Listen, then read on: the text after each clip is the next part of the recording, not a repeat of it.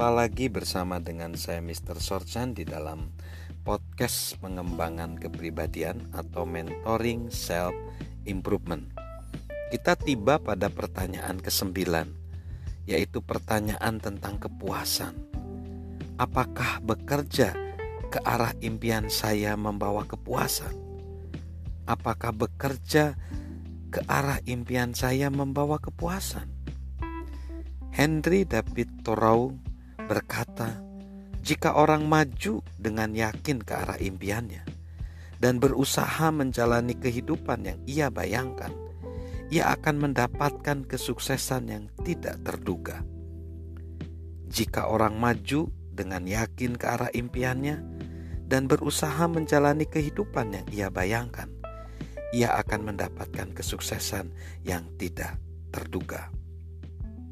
Jika kita berhasrat akan impian kita, kita mungkin mempunyai energi dan insentif yang diperlukan untuk terus maju dan membuat langkah-langkah untuk mengejarnya.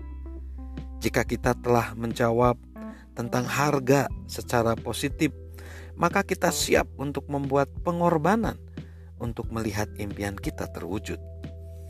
Jika kita mempunyai kegigihan, maka kita mungkin tidak akan melepaskan impian kita jika pengejaran itu menjadi sukar. Tapi apakah kualitas-kualitas itu cukup membawa Anda mewujudkan impian? Mungkin.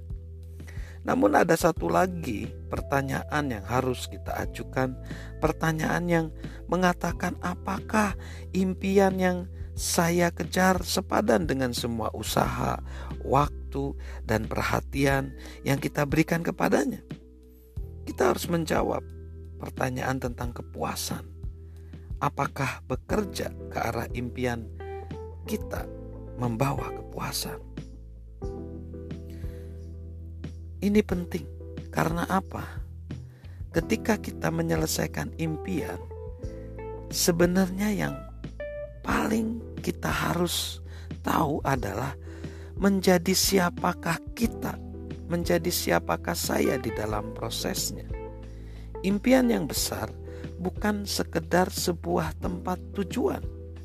Itu adalah katalisator untuk perjalanan yang besar.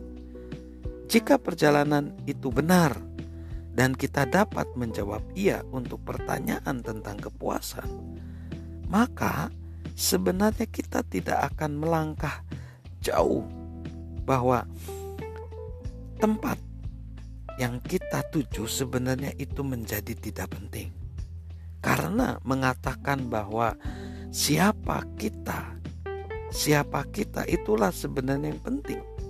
Karena sebenarnya perjalanan menuju atau perjalanan yang kita tempuh Perjalanan itu sendiri sebenarnya adalah yang memuaskan.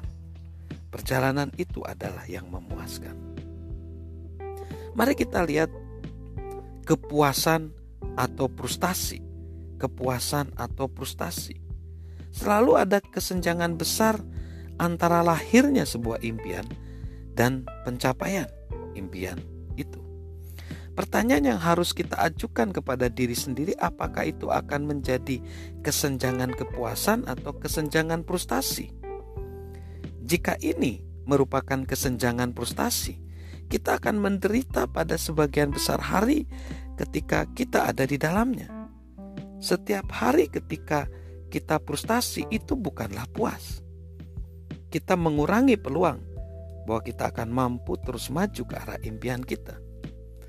Penulis dan pakar pemasaran Seth Godin menyebut kesenjangan ini antara saat kita mulai mengerjakan sesuatu dan saat kita benar-benar mulai melihat hasilnya adalah sebuah kubangan. Dan ia telah menulis sebuah buku tentang ia mengatakan bahwa semua orang harus berusaha menjadi yang terbaik di dunia dengan apa yang ia kerjakan. Ia percaya itu adalah satu-satunya cara untuk sukses. Ia berargumen bahwa apa pun yang kita mungkin kerjakan yang tidak mempunyai potensi untuk membawa ke ketinggian seperti ini adalah sebuah kuldesak, sebuah jalan buntu dan harus ditinggalkan. Namun, untuk menjadi yang terbaik, kita harus lebih dahulu melihat kubangan yang nampak seperti sebuah lembah yang diikuti oleh sebuah puncak yang tinggi dan terjal. Puncak kiasan itu adalah apa yang orang harus daki jika mau benar-benar menjadi ahli dalam sesuatu. Godin mengatakan, semua kesuksesan kita sama. Semua kegagalan kita juga demikian. Kita sukses ketika kita mengerjakan sesuatu secara luar biasa. Kita gagal ketika kita terlalu cepat menyerah. Kita sukses ketika kita menjadi yang terbaik di dunia dengan apa yang kita kerjakan. Kita gagal ketika kita terkecoh oleh tugas-tugas di mana kita tidak memiliki keberanian untuk berhenti. Semakin besar kubangannya, Godin berargumen, semakin besar potensi imbalannya karena kubangan menyingkirkan orang lain yang mungkin berusaha untuk mengambil jalan yang sama. Saya katakan bahwa kubangan itu menggambarkan kesukaran yang orang harus hadapi dan kurva belajar yang orang harus atasi untuk mencapai hal yang diinginkan. Untuk mencapai impian, kita harus melewati kesenjangan antara konsepsi dan perwujudan. Itu berarti mengatasi rintangan, menghadapi kurva belajar yang sulit, dan melakukan kerja keras yang sederhana.